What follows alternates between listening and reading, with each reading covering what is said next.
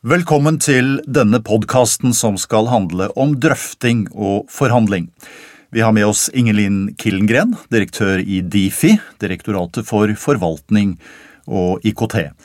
Og Killengren, et stadig tilbakevendende spørsmål. Skal dette drøftes, eller skal det forhandles? For det første så er jeg veldig opptatt av at man eh, sørger for at det som er gjenstand for drøfting, skal drøftes, og det som er gjenstand for forhandling, skal forhandles. Og så er jeg da opptatt av at informasjonen går hele tiden i forkant, at man bruker infomøter, at man også har uformell kontakt underveis. Men igjen er jeg veldig sterk på at eh, informasjonsmøtene er noe helt annet, og at du ikke skal og ikke kan binde deg i de senere drøftingene og forhandlingene med det du sier i de møtene.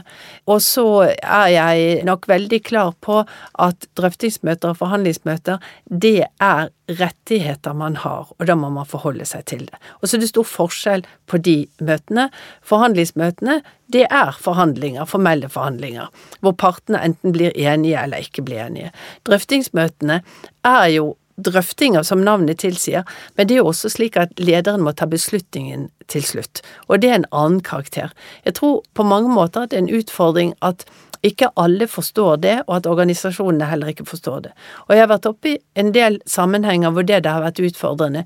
Vi har informert i starten, vi har hatt god dialog, vi har drøftet, og etter drøftingen så har jeg som leder tatt en beslutning.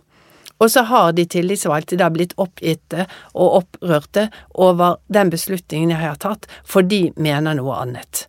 Og det skjønner jeg at man kan bli opprørt over, men drøfting betyr ikke at du må drøfte deg bort fra den beslutningen du er nødt til å ta. Og det tror jeg er viktig òg, fordi jeg må som leder ha respekt for de tillitsvalgtes rolle, og jeg må spille dem gode.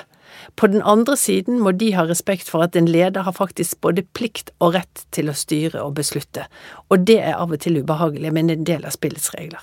I drøftinger så har du bestemt deg på forhånd, da? Da er vel resultatet gitt, er det ikke det? Jeg er ikke sånn at jeg gjør det. Du er ikke det? Nei. Du lytter. Jeg lytter. Du kan, og du har eksempler på at du da har lyttet og endret standpunkt, vil du gå så langt?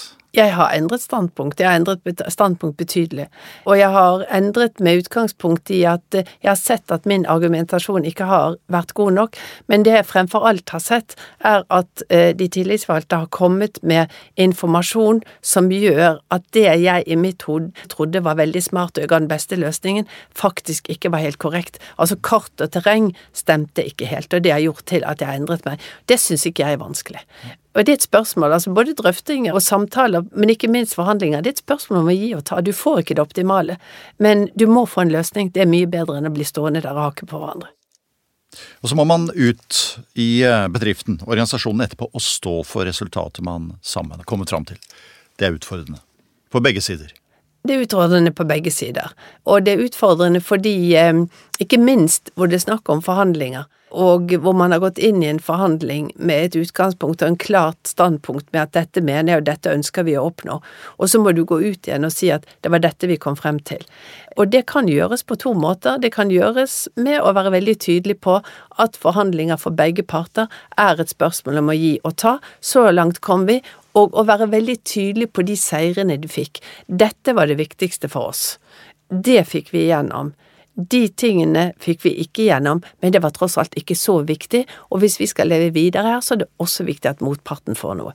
Det er den balansegangen du må gjøre.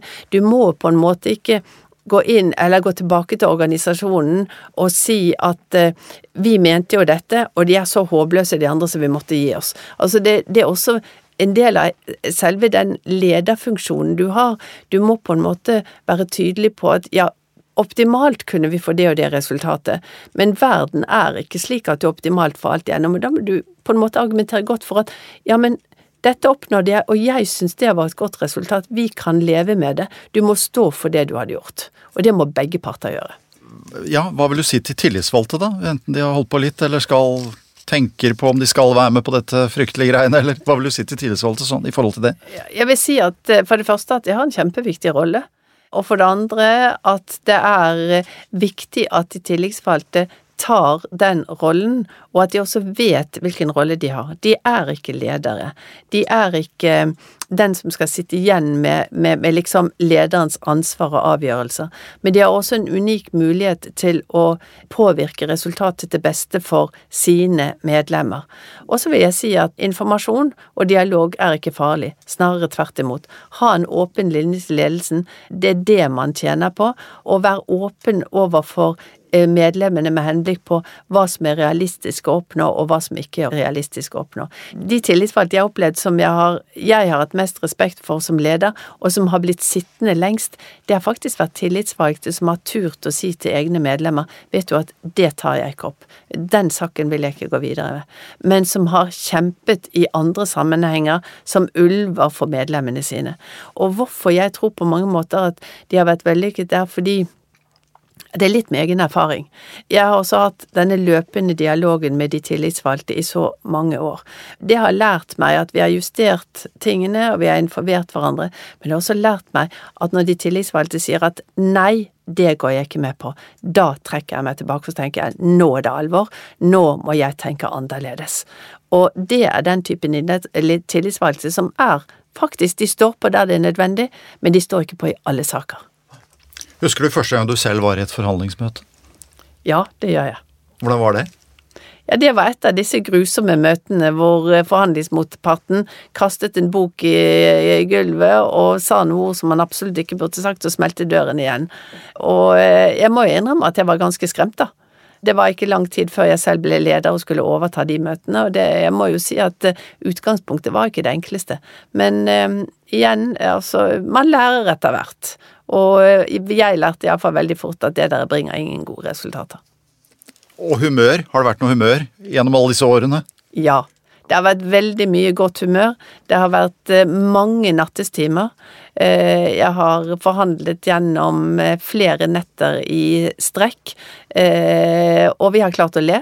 Og vi har, eh, ja, vi har klart å skille sak og person. Jeg synes i mange sammenhenger, og jeg, jeg vet ikke om, om jeg ble trodd på det, men jeg mener det faktisk. Jeg synes i mange sammenhenger at det der samarbeidet med de tillitsvalgte, og alle disse her eh, vanskelige sakene vi har stått oppi, og, og alle konfliktene, selv om det fra utsiden så ille ut, det er noe av det som har vært mest spennende og utfordrende med å være leder.